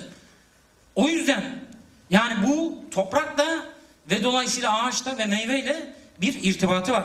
İnsanların bu topraklardaki insanların Tahsin Bey'in çok nefis bir şekilde özetlediği yani o bilincin, o kendine güven duygusunun nedeni biraz burada gizli aslında. Yani bizim bilinçaltımızdaki bu üç psişe bozukluğu bizi yanıltmasın. Mesela bizi yanıltmasın diyorum ama yanıltıyor. Mesela Akif'in söylediği bir şey var. Meşhur Akif büyük adam. Yani Akif'e laf, laf etmek istemem. Yani, e, yani edeben bu olmayacak bir şey. Ahlaken olmayacak bir şey. E, bir ahlak anıtı bir adam. Yani bugün Akif'i çok konuşulması gerekiyor ama Akiflerin kuşağının bizi sürüklediği bir yanlışlık var. Yani algı kapılarımızı e, kapatan, zihnimizi körleştiren bir yanlışlık bu. Ne demişti Akif? Ee, Kur'an doğrudan doğruya Kur'an'dan alıp ilhamı asrın idrakine söyletmeniz İslam'ı yapmayın demişti. Yani Kur'an'dan alıp ilhamı asrın idrakine söyle, söyletmeniz halbuki bizim İslam'ın idrakini İslam'ın idrakini asır haline getirmemiz lazım. Çağ haline getirmemiz lazım. Çağrının çağa dönüşmesi lazım. Yani biz sadece asrın diliyle o zaman konuşmuş oluruz. Asrın idrakinin diliyle konuşmuş oluruz. Bir örnek vereyim. Şam'da bir tarihçiye gitmiştik. Adama şunu sordum. Dedim ki Hazreti Peygamber tarihte ne yapmıştır? Hocam soru cevap faslı olacak mı? Yani olmayacaksa ben e, süreyi biraz uzat. Olacak, olacak. Uzat. Beş dakika uzatabilir miyim? Oo süper, süper. Tamam. Teşekkürler. Şöyle, dedim ki Hazreti Peygamber tarihte ne yapmıştır? Adamın söylediği şey ne biliyor musunuz? Tam bu algı körleşmesi, çağ körleşmesi böyle bir şey. Dedi ki aynen söylediği şey şu. Egalite, liberte, fraternite dedi. Yuh dedim ya sen. Yani ben Hazreti Peygamber'e e, arkadaşa Hazreti Peygamber Fransız devrimi nedir diye sormadım ki dedim size. Hazreti Peygamber tarihte ne yapmıştır diye sordum. Yani Fransız devrimini verdiği cevap, ikinci cevap şu. İyi ya dedi, Hazreti Peygamber 1200 sene önce dedi. Fransız devriminden 1200 sene önce Fransız devrimini gerçekleştirmiştir dedi. Yani buna ne denir? Buna ne denir? Yani gerçekten insan bitiyor burada. Yani dikkat edin. Fransız devrimi beşeri bir tecrübe. Belli bir zamanla mekanla kayıtlı bir tecrübe. Ee, üstelik de tartışılan bir tecrübe. O kadar şey değil. Abartmaya falan gerek yok. No- e, yani siz onu özneleştiriyorsunuz, tarih ötesileştiriyorsunuz, tarih ötesine taşıyorsunuz. Hazreti Peygamber'in adı yok. Yaptığı şeyin adı yok. Özne değil nesne. Başka bir şey üzerinden, Fransız devrimi üzerinden Hazreti Peygamber'i tanımlamaya çalışıyorsunuz. Bu işte asrın idrakine söyletmek ne demek? Bizim idrakimizi asır haline getirmemiz lazım. Bizim idrakimizle konuşmamız lazım. Bizim idrakimizi idrak edebilmemiz lazım. Biz bunu idrak edebilmiş değiliz. Böyle bir sıkıntı var. Neyse, şimdi aslında şöyle bir e, yere geliyoruz. Hazreti Peygamber yani medeniyet meselesinde medeniyetle sivilizasyonu bir defa ayırmak gerekiyor. Bu algı algı kö- körleşmesinden, çağ körleşmesinden kaynaklanan bir sorun var. Biz mesela medeniyetle sivilizasyonu çok rahat bir şekilde birbirine eşitliyoruz. Yok böyle bir şey. Sivilizasyon dediğimiz şey Tahsin Bey anlattı. Yani sivilizasyon modernliğin adıdır aslında. Modernliğin bir şekilde başka bir üst şemsiye bir şeyle izah edilmesidir aslında. Yani sivilizasyon tek boyutludur. Herbert, Herbert Marcuse bunu One Dimensional Man kitabında çok enfes bir şekilde tek boyutlu insan kitabında çok enfes bir şekilde anlatır. Tek boyutlu insan, tek boyutlu toplum, tek boyutlu dünya diye anlatır. Sivilizasyon tek boyutludur. İnsanı buraya, bu dünyaya, görünene, dış gerçekliğe, kabuğa kilitler. Medeniyet hem yatay eksenleri hem de dikey eksenleri aynı anda harekete geçirir. Yani hem zahiri hem batını. Hem dış dünyayı hem iç dünyayı. Hem hakikati hem sureti. Hem formu hem normu. Neyse. Şimdi burada e, medeniyet e, kavramını bizim yeniden tanımlamamıza ihtiyaç var. Şimdi medeniyet bir formdur aslında. Uygarlık da bir formdur. Yani uygarlık bir normun ifadesidir. Medeniyet de bir normun ifadesidir. Ama kendi kavramlarımızla konuştuğumuz zaman meseleyi çözebiliriz. Yani norm, form kavramlarıyla konuştuğumuz zaman çözemeyiz. Medeniyet hakikatin hakikatin bir yani bir surette tecelli etmesidir. Teşbihi alanın teşbihi alanın tenzihi alanla buluşmasıdır. Aşkı beşeri alanın aşkın olan alanla buluşması ve tevhidin ortaya çıkmasıdır. Yani medeniyet bizatihi Hazreti Peygamber'in kendi tarifiyle Medinetül İlm. Hazreti Peygamber kendisini ilmin Medinesi diye tarif etmiştir. İlmin şehri diye tarif etmiştir. Biz Hazreti Peygamber üzerinde neden kafa yormak zorundayız? Alemlere rahmet olarak gönderilmiştir ya. Alemlere rahmet olarak gönderilmiştir. Yani Hazreti Peygamber'i devreden çıkardığımız zaman, devre dışı bıraktığımız zaman biz kitabı anlayamayız. Hazreti Peygamber tekvini ayettir. Cevamül kelimdir. Bütün kelimelerin toplamıdır. Bütün kelimelerin toplamıdır. Yani tekvini ayet anlaşılmadan tenzili ayet anlaşılamaz. Tekvini ayet hayata ve harekete geçirilmeden tenzili ayet hayat bulamaz. Mesele burada gizli. Yani dolayısıyla Hazreti Peygamber yaşayan Kur'an'dı değil mi? Yani bize anlatılan şey oydu ama bizim Hazreti Peygamberle kurduğumuz ilişki Hazreti Peygamberle kurduğumuz ilişki sadece bilgilenmeye dayalı bir ilişkidir. Epistemolojik bir ilişkidir. Ontolojik bir ilişki değildir. Doğrudan değildir. o yüzden doğurgan değildir. Dolandırandır. Dolaylıdır. Dolaylı olduğu için de dolandırandır. Bizi dolandırıp duruyor. Halbuki bizim yapmamız gereken. Bediüzzaman bunu enfes bir şekilde anlatıyor. Yani bunu en iyi anlatan e, iki- düşünürlerden birisi Bediüzzaman'dır. Yani dolayısıyla bizim Hazreti Peygamberle epistemolojik değil ontolojik ilişkiye geçmemiz lazım. Hazreti Peygamber'i yani bir bir kalkış noktası bir de varış noktası belirlememiz gerekiyor. Yani kalkış noktasıyla varış noktasını buluşturmamız gerekiyor. Bizim ne kalkış noktası fikrimiz var ne de varış noktası fikrimiz var. Böyle bir problem. Yani iki arada bir deredeyiz. Şimdi sünnet-i seniye Hazreti Peygamber'in yaşayan Kur'an'dan yaşatan Kur'an'a dönüşmesine yol açabilecek e, yegane kaynaktır bizim için. Sünnet-i seniye sadece Müslümanların İslam'ın hayat haline gelmesini, hayat bulmasını, hayat olmasını, hayat sunmasını sağlayacak bir kaynak değil. Bütün insanlığın, bütün medeniyetlerin, bütün insanlık tecrübesinin açıklanmasını sağlayabilecek bir kaynak. Çünkü alemlere rahmet olarak gönderilmiş bir peygamberin hayatından bahsediyoruz. Yani dolayısıyla sünnet-i seneye baktığımızda biz bunu görebiliyoruz. Sünnet-i seniye ne demek? Sünnet-i seniye, seniye üç aşamadan oluşuyor. Bir, akval, Hazreti Peygamber'in sözleri, kavilleri, epistemolojik alan, ilmel yakın. Yani medeniyetin üç sütununun birinci sütunu Mekke süreci. İkincisi efal, fiilleri, Hazreti Peygamber'in fiilleri. Tırnak içinde fenomenolojik olan alan ve dolayısıyla aynel yakın. Üçüncüsü Medine süreci. Üçüncüsü e, ahval, tasavvuf e, dilinde ahval, e, fıkhın dilinde takrir. Takrir zaten bir şeyin hal haline getirilmesi, onaylanması, tatbik edilmesinin kabul edilmesi. Ahval, çok enfes bir kavram. Hal. Hal kavramı. Yani dolayısıyla hakkal yakin ve ontolojik alandan bahsediyoruz. Şimdi burada Batı uygarlığı sadece epistemolojik alana dayanıdır. Yani Batı'da e, epistemolojik alan ontolojikleştirilir. Yani epistemolojinin ontolojikleştirildiği aracın amaç haline getirildiği, formun norm haline getirildiği bir dünya felakettir. Yani parçanın bütün haline getirildiği, arzi olanın asli olan katına yükseltildiği bir dünya insanı felaketlerin işine sürükler. Nietzsche bunu gördü. Nietzsche o yüzden çöl büyüyor dedi. Batı uygarlığını geldiği zirve noktada kangrene benzetti. Kangren büyüyor dedi. Yani dolayısıyla insanlığı önümüzdeki süreçte çok büyük bir felaket bekliyor dedi. Ve nitekim adamın söylediği şey bir yarım asır geçmeden gerçekleşti.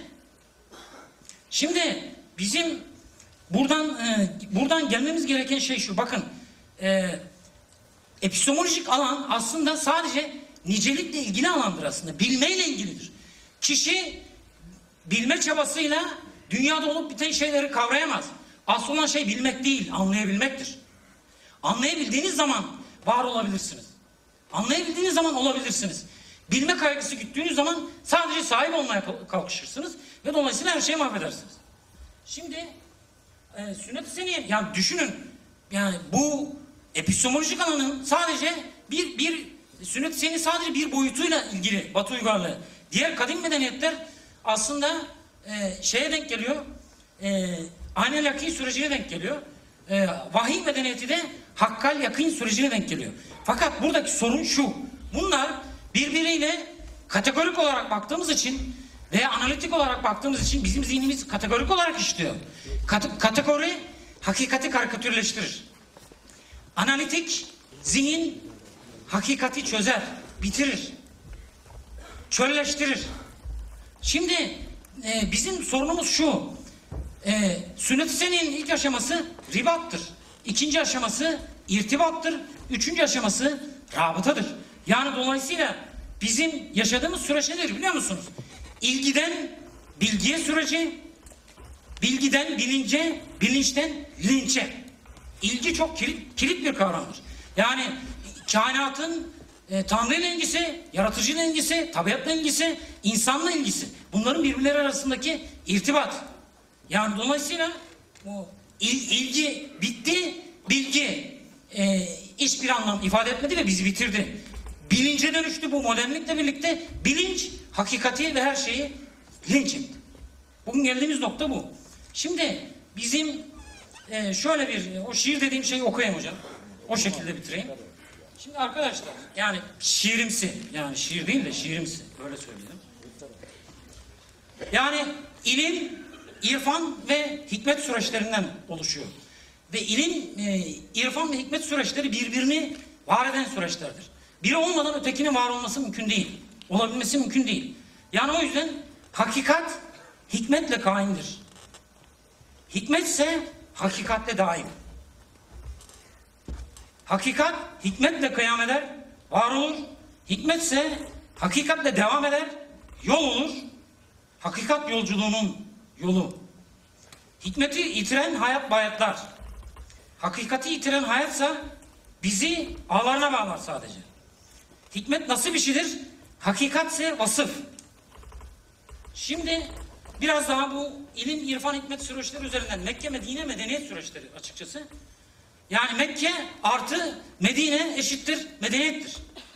Yani dolayısıyla Hazreti Peygamber'dir. Bizim medeniyetten anlamamız gereken şey Hazreti Peygamber peygamberdir. Din hayattır, hayat kaynağıdır. Medeniyet hayatiyet kaynağıdır. O hayatın hayat bulmasına, hayat olmasına ama hayat sunmasına imkan tanıyan hayatiyet kaynağıdır. Vazgeçilemez e, hale getirilmesi meselesidir.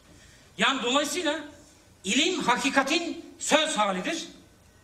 İrfan hakikatin göz hali, kalp gözü halidir. Hikmet ise hakikatin öz halidir. İlim çağrıdır, ilahi çağrıdır. İrfan çağdır, nebevi çağ.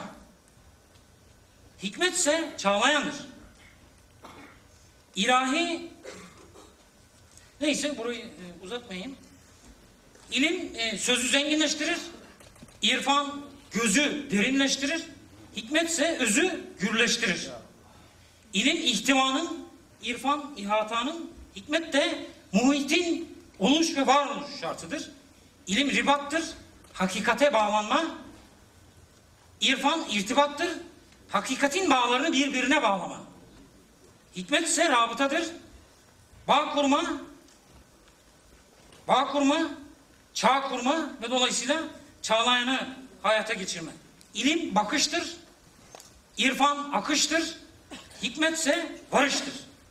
İlim hakikatin toprağa düşen, düşürülen tohumudur. İrfan hakikat ağacıdır. Hikmetse hakikat meyvesidir. Teşekkürler arkadaşlar.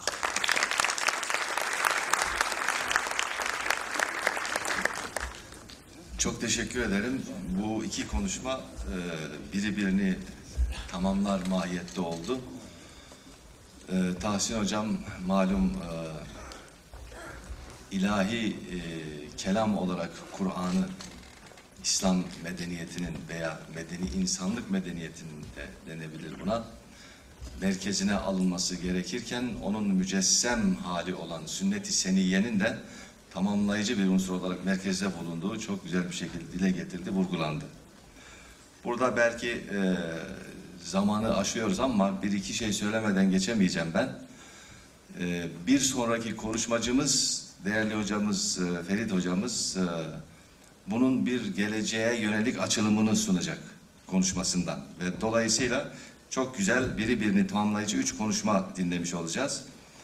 Ee, şimdi e, Rosenthal'ın bu İslam tarihini, İslam düşünce tarihinde aynı zamanda değer, değerlendiren e, birçok eserleri var. Bunlardan bir tanesinde e, Knowledge Triumphant adlı eseri Türkçe'ye Bilginin Zaferi olarak çevrildi. Şöyle bir şey e, söylüyor, medeniyetlerin soyut kavramlar üzerinde inşa edildiğini, yani onlar üzerinde yükseldiğini, Bugün biz maddiyata çok daldığımız için e, birçok kimseye sorduğunuzda belki medeniyetimizi nasıl inşa edelim deyince inşaat akla geliyor tabii. Hemen e, çeşitli binaların yapılması, fabrikaların kurulması, teknoloji vesaire. Aslında onlar teknoloji, e, medeniyetin meyveleridir. Medeniyeti oluşturan temeller onlar değiller. Onlar bizim görmediğimiz böyle tahlillerle çıkaracağımız temeller aslında onlardır ki buraya vurgu yapılması gerekir. Rahmetli Garaudi'nin e, Batı medeniyetinin bir kaza olduğuna yönelik e, çok güzel bir sözü. Birkaç defa tekrar ettiği için belki şöyle bir şey de söyleyebiliriz. Aslında medeniyetlerin tabii ki bu soyut anlamda büyüklüğünü gösteren çok güzel sözler var iç, içinde. Ee, İslam medeniyetinde de yine e, dile getirilmiş çok önemli bir söz. Ee, La musibete a'zem minel cehli. Ee, biz zannederiz ki hani dünyada işte yaşarken birçok musibetlere, belalara e, maruz kalıyoruz diye. Fakat bunlar içerisinde en e, büyük musibet cehalet musibeti. Bunu medeniyetimiz dile getirdiği için yine Rosenthal'ın da bel- e, ulaştığı sonuç İslam medeniyeti ilim üzerine kurulmuş bir medeniyettir diyor. Zaten o yüzden ilim açısından tahlil etmeye çalışıyor. Fakat şuna da dikkat edelim.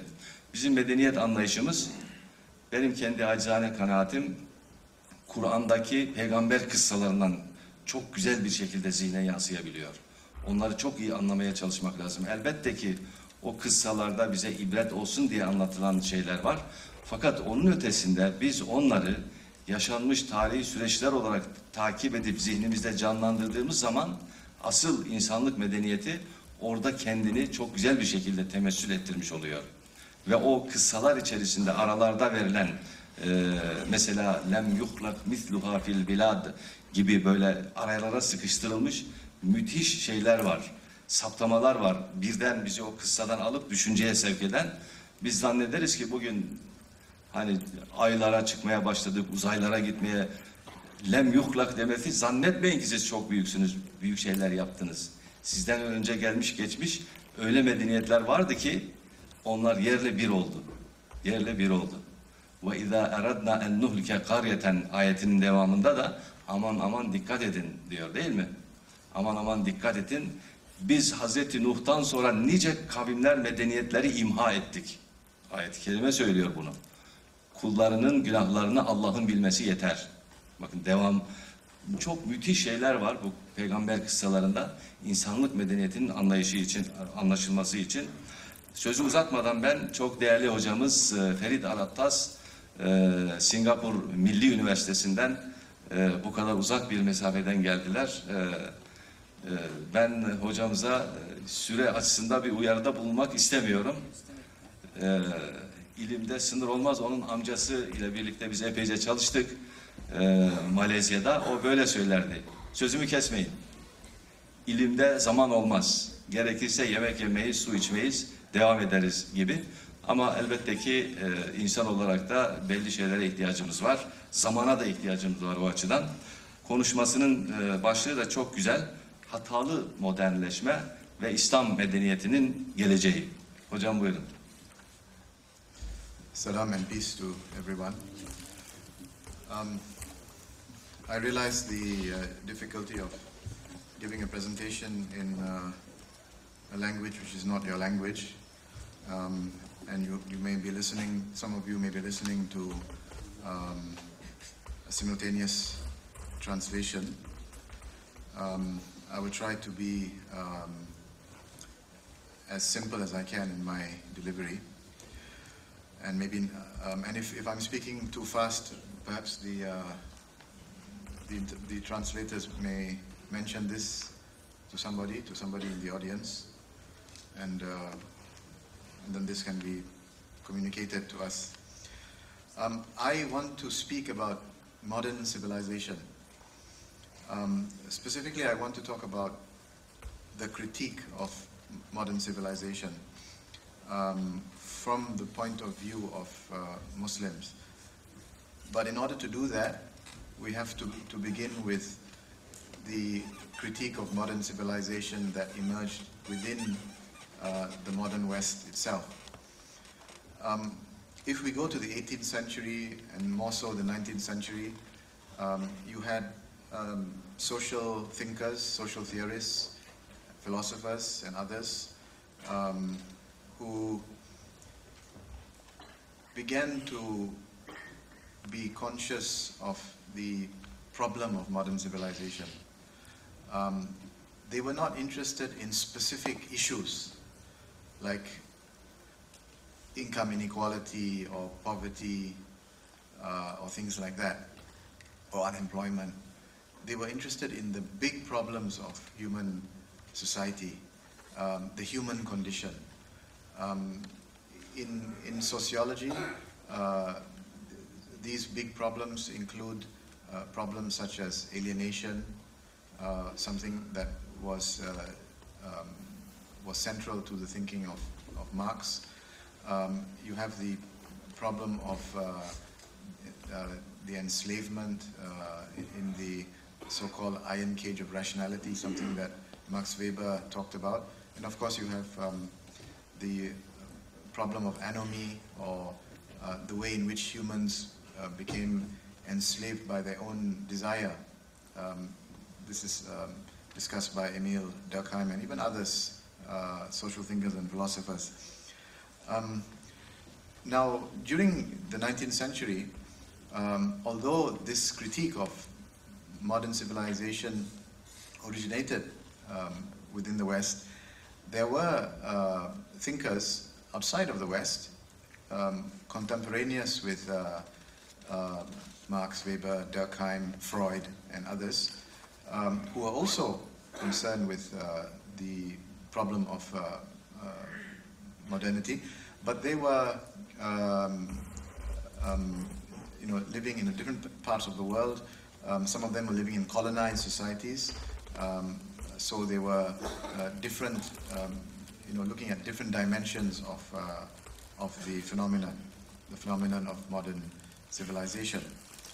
Um, now, what I would like to do is to consider some of the critiques of modern civilization that emerge in the Muslim world and uh, what the responses to these uh, critiques have, um, have been. Um, of course, I'm not going to go uh, so far back, you know, to talk about the, the, the thinkers in the 19th century, but just to give you an idea, um, at the same time that Marx and Weber and Durkheim and um, uh, uh, I mentioned Freud, uh, de Tocqueville, uh, Schopenhauer, and many others were, were examining the, um, in a sense you could say, the failure or the inability of the Enlightenment project to deliver what it promised to deliver, that is, liberation, uh, which we could see, say is uh, a central process in the development of modern civilization. Um, I've already said that the initial uh, critiques came from within the modern West itself. Um, we have to realize that uh, there were critiques that came from outside of the West, um, and in order to focus on these critiques, we need to be um, conscious of being critical of dominant discourses uh, and official perspectives. If we are not critical of dominant discourses, we are not critical of official uh, perspectives, of official views, we would not be able to find the creativity that lies outside of mainstream ideas. Um, for this reason, uh, it is because of this, this inability to be to, to liberate ourselves from dominant perspectives. Um, a thinker like Bediüzzaman Said Nursi remain marginal in the world of uh, social thought. Many, Ibn Khaldun remain marginal in the world of social thought. Um, and, and this is true of uh, many of the thinkers uh, that come from outside of the uh, dominant Western European or North American tradition. Of course, one cannot, um, be, one has to realize that the situation is a little bit more complicated because even within the Western tradition itself, you have thinkers and views that have been marginalized. When a certain canon develops, um, inevitably certain thinkers are left out of um, uh, and um, you know, uh, in other words, uh, left out of the mainstream. Um, now, this attitude of critique of dominant and official perspectives, uh, a a very good example of that comes from uh, you know, one of the thinkers that we are honoring in this uh, conference, which is Roger Garrodi. Um, and I, I have in mind, you know, his views uh, about the Holocaust. Um, uh, some of you, or many of you may know, um, he was um, um, prosecuted um, and fined and given, uh, I believe, a commuted jail sentence in France um, for allegedly denying the Holocaust. Of course, if you were to read exactly what uh, Roger Garrody said about the uh, uh, Holocaust, he uh, was not denying the fact that masses of Jews were murdered, were killed during uh, the period of uh, Hitler's rule in Germany. Um, he's not denying the fact that um, these were atrocities, these were murders, and that there were masses of Jews involved. Um, but rather, he was critiquing the use of certain concepts in the discourse on um, the uh, killing of the Jews of, uh, of, of Europe. Um, concepts like Holocaust, concept, concepts like genocide, um, uh, the, the whole question of whether it was the intention of Hitler to exterminate the Jews of, uh, of Europe, um, or were there other motivations? Um, and and his, uh, his critique of this discourse was not based on ideological uh, um, you know, uh, considerations, but rather on the examination of concepts and the, exa- the examination of, uh, of uh, facts. Um, so I would really, uh, you know, urge you to, you know, to read, um, if you haven't already, exactly what Roger Garrody wrote about the Holocaust in order to understand um, the nature of his critique of um, mainstream um, and dominant uh, discourse. Um, now, in my case, focusing on the critique of uh, modernization, uh, the critique of modernization, I would like to suggest uh, a direction that the social theory of modern Muslim society may, may take.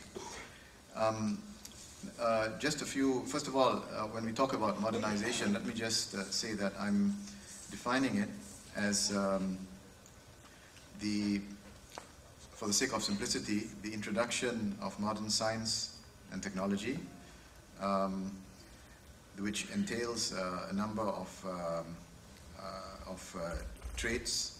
Yeah, it refers, of course, to industrialization, to commercialization of life, to increasing uh, social mobility, obviously an increased standard of living, increase in education and literacy, and so on and so forth. But uh, beyond that, it refers to the inculcation of certain norms and values associated with efficiency, calculability, predictability, um, and the, uh, um, the, the inculcation of these, uh, of these values uh, in ever increasing areas of, uh, of life.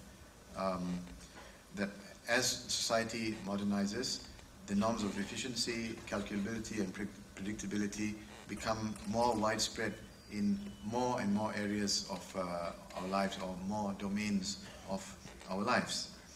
Um, now, I don't have the time to um, to go into all the you know uh, details or uh, the various definitions of modernization or to discuss all the traits of modernization. Um, now, from uh, within uh, the perspective of, uh, from within Muslim uh, societies, um, particularly from uh, the 19th century, but more so in the 20th century, and even more so after the Second World War, the, the main critique of modernization had been um, this that a process of secularization was taking place in society. Um, and that the philosophy of secularism was taking root in society, in Muslim societies. Um, and the problem with this is that um, humans and the world um, was becoming disassociated or was disassociating itself uh, from the divine and from the supernatural. Of course, from the point of view of uh, many proponents of modernization theory, the idea was that human beings should be, should be liberated from divine and supernatural control. but from the Muslim point of view, uh, or from a Muslim point of view, the, the idea was that uh, this dissociation, uh, you know, was detrimental to, to humanity because uh, it would result in a, a growing compartment, compartmentalization of, ri- of life, where religion uh, becomes relevant only to you know, specific areas, finally uh, to marriage and funerals, and maybe inheritance. But in other areas of life, it is no longer, uh, uh, it, it was no longer important or significant. So religion ceased to be a way of life. Um, it became, um, it, it, it ceased to be a dominant way of life or a dominant culture. It became just one aspect of the culture of, uh, Muslims. Now, uh, again, you know, there's no time to get into the, uh, um, the, the various um, positions that several Muslim scholars talk, uh, took with regard to secularism and, and secularization. Um, but the critique of modernization from the point of view uh, of uh, the, uh, the, the critique of modernization, which, uh, which critiqued modernization um, for, uh, you, you could say, unleashing the process of secularization, was only one critique. It may be the dominant critique that has come out of the Muslim world, um, but uh, it is by no means the only critique. And this is what I would like to say that there have been other critiques that need to be taken into account seriously because they provide a more holistic picture of the problem of uh, modernity in the Muslim world uh, today. Um, and in fact, one could also suggest that um, some of these other critiques are, are actually suggesting that the critique of secularization is not sufficient. So in a sense, this is a critique of the, of the critique. Um, so uh, you have modernization, the process of modernization, and various theories in sociology, in political science, uh, even in psychology, uh, which um, explain the process of modernization from the 19th century onwards. Uh, you have the Muslim response to that, saying that uh, uh, critiquing uh, modernization for having um, unleashed the process of secularization, which is marginalizing religion, um, marginal, marginalizing Islam in the life of Muslims. Um, but then you have a number of other critiques, um, which I would like to, to um, enumerate. First of all, you have the critique that says that the problem is not secularization, it is capitalism. And according to this critique, it says that attempts to reintroduce Islam into public life, in other, in other words, to um, um, de secularize society, to sacralize society, to take, uh, I, I hope, uh, I, I really I have no idea, but I hope the translators are translating this, to de secularize society. Um, that, that such attempts have not dealt with the problem of capitalism and its uh, various ills.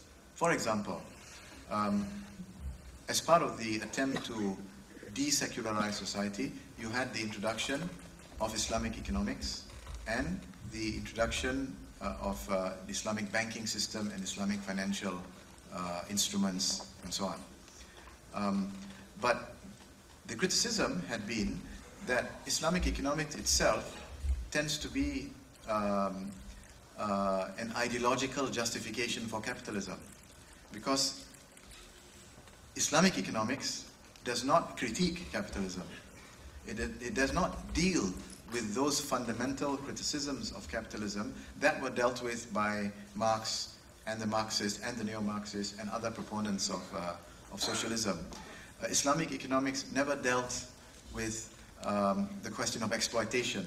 What does exploitation mean? Which is, of course, a fundamental category in Marxist um, sociology and economics. Um, Islamic economics uh, did not deal with the issue of alienation. Again, another central uh, con- concept uh, and concern in, uh, in Marxist sociology and economics. Um, so um, the, the attempt to sort of sacralize the economy and by extension the society through the introduction of uh, Islamic economics and uh, Islamic banking. In other words, through the uh, introduction of, uh, albeit in a limited manner, Sharia law, um, did, did not, according to this critique, deal with the, fundam- with the fundamental problem of modern civilization, which is capitalism. Um, and then you have, of course, uh, another critique, uh, which suggests that the problem is not secularization, um, rather the problem is the failure to, proper, to properly appropriate modernization.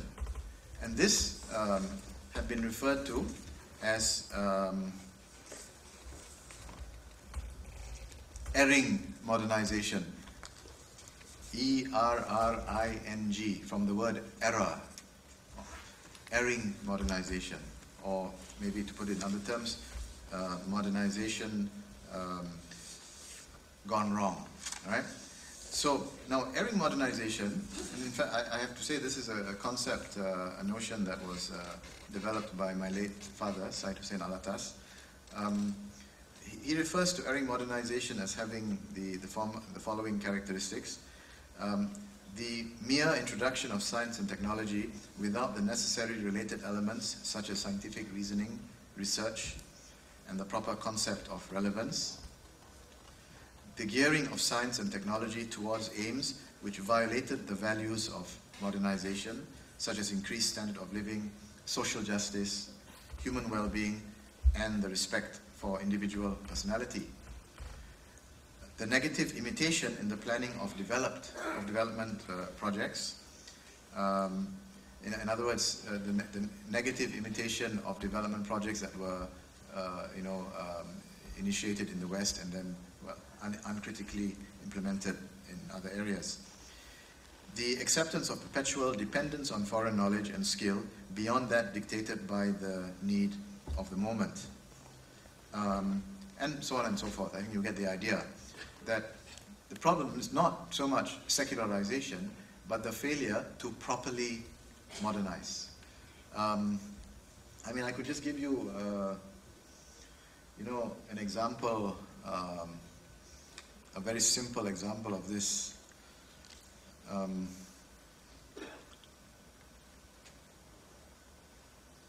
well, you know, I'll give you two examples. In my part of the world, Malaysia, Singapore, Indonesia, we live in the tropics where the weather is hot and humid all the time. Um, when we began to modernize, uh, we, we built houses, modern houses, modern homes from concrete. We built these homes after the image of houses built in Europe. In our case, in, uh, I suppose in Indonesia and in Malaysia, based on the British and the Dutch models of homes. Um, these homes were not made with the needs of tropical life in mind. So we build these homes, and then we realize that it is too hot, and then we have to air condition these homes. Um, instead of you know uh, de- developing uh, architectural styles uh, that were aesthetic, but which at the same time allowed us to live in harmony with our environment. This is an example of you know we're using modern techniques in engineering. Uh, we're using you know uh, uh, architectural science. Uh, so we are modernizing, but it is an example of modernization gone wrong. Um, another example, uh, which is I think interesting to discuss, is the example of toilets. You see, um, in uh, when we introduce modern plumbing, uh, we um, the, the, the goal of modernization is to create more efficiency. But what modern plumbing did, when you, you know, when you, what do you call these toilets here? Uh, you, you, you, call, you call the foreign toilet? Uh, yeah, yeah, that's right. Yes, a la franca. Um, and then the local toilet, the, the turca, yes, right. Um, now, the problem with uh, the foreign toilets is that they do not allow for an efficient uh, means of, uh, of I don't know how to say it, uh, uh, defecation, right? In fact, uh, I think it's quite well known, even according to the, you know, the sunnah of uh, the Prophet, um, uh, um, and even in other societies, that uh, actually squatting is a more efficient uh, finance, is a more efficient means of, of, of defecation. Um, so here you have a modern amenity which actually may not be uh, as good for our health as a more uh, traditional uh, amenity. So anyway, you have the idea of what I am trying to say um, about um, modernization um, having gone wrong. This is not a position against modernization. It is not a position against the modern. It is not a position against modern science and technology. It is a position against the um, misappropriation of uh, modernization and the tools of modernization. Um, you have other uh, critiques of there, was, there are several other critiques of modernization which suggest that uh, the problem is not secularization but the problem, problem lies elsewhere. Uh, the, uh, as I mentioned earlier on, um, the critique of, uh, alien, uh, you know, the, the critique of alienation, of anomie, um, um, and then also the, and these are critiques that emerge from within the West itself, nihilism, and even religious nihilism, which I think is a very interesting uh, uh, um, uh, notion. The, the, the idea that uh, life is worthless, you know, existential, a kind of existen- existential nihilism that has no meaning and point to life. Life is worthless. Um, the suicide bomber, who, uh, or the terrorist, who is willing to take the life of another um, because the life of another uh, is worthless. Um, he decides on behalf of the other that the life is worthless. Um, is perhaps an example of uh, religious uh, nihilism. Um, and then, of course, you have the critique that the problem is modernity itself. And this is the critique that comes from the traditionalists. Um, that the modern itself is not just uh, problematic uh, in terms of its manifestations um, or in terms of its applications, but it is through and through uh, a problem and, and it has to be uh, abandoned as a, as a project. Um, in all of these critiques, the suggestion is that secularization is not the problem or it is not the main problem. Uh, that um, secularization by itself does not necessarily lead to other problems of uh, modernity that we have in the modern world, such as nihilism, um, such as um, um, erring modernization or the misappropriation of uh, modernization, um, that correcting or halting the, the progress of secularization will not deal with problems of capitalism. Um, so these various critiques of uh, modernization are suggesting that the problem is more complicated, more nuanced than that suggested by those who critique um, secularization. Um, in closing, I suppose my aim here is to say that from the point of those who see secularization as the problem, the solution is Islamization in some form or another. Um, such a critique is probably based on a lack of understanding of the West itself. And this is indeed is one of the one of the problems that uh, in uh, contemporary Muslim society we tend not to have uh, scholars. I'm generalizing, of course, there are exceptions, but we tend not to have scholars who are experts on Western civilization.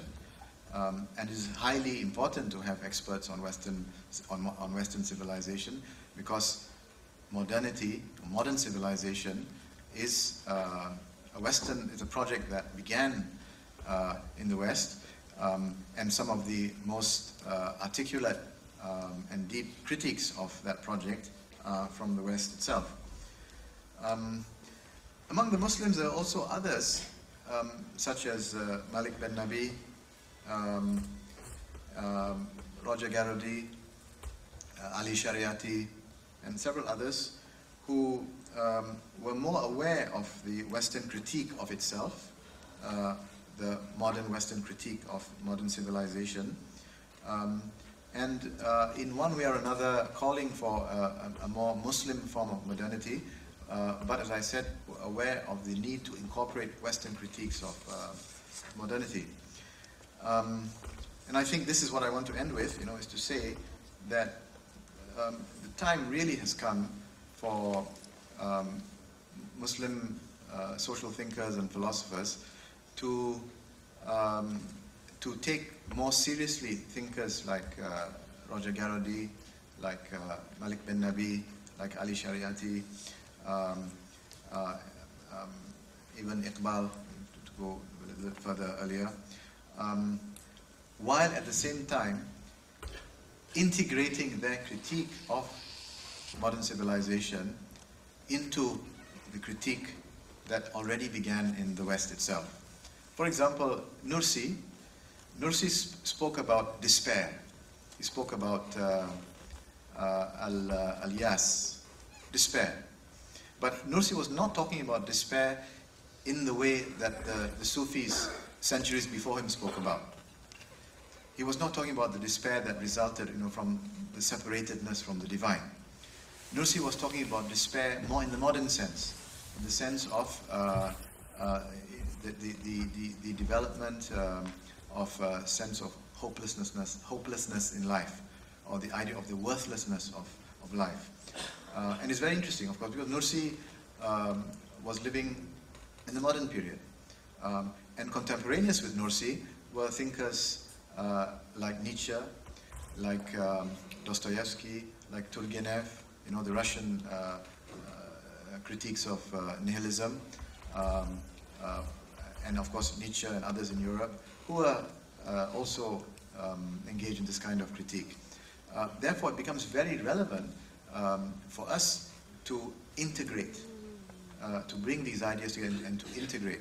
Um, we, when we deal with modern civilization, when the, when, the, when the Muslim world is looking for its place in the modern world, um, we can no longer neglect the critique of modern, of modern civilization that originated from the West itself.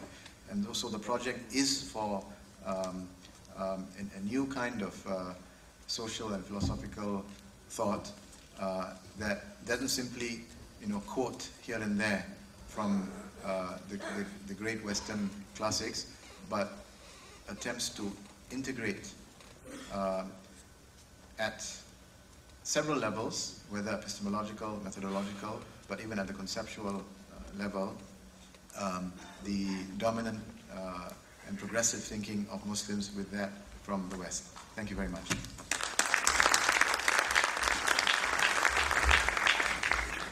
Ferit hocamıza çok teşekkür ederiz.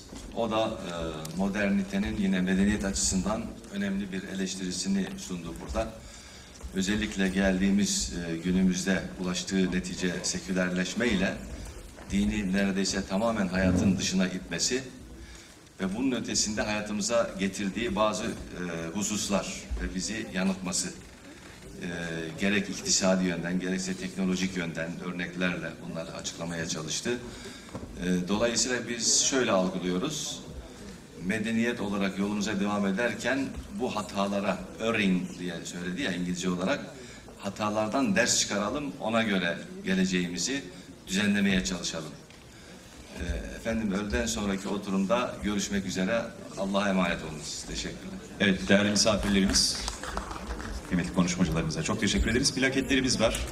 Plaketlerimizi takdim etmesi için İlke Derneği Mütevelli Heyeti Üyesi Lokman Özkara Beyefendi'yi huzurlarınıza davet ediyorum efendim.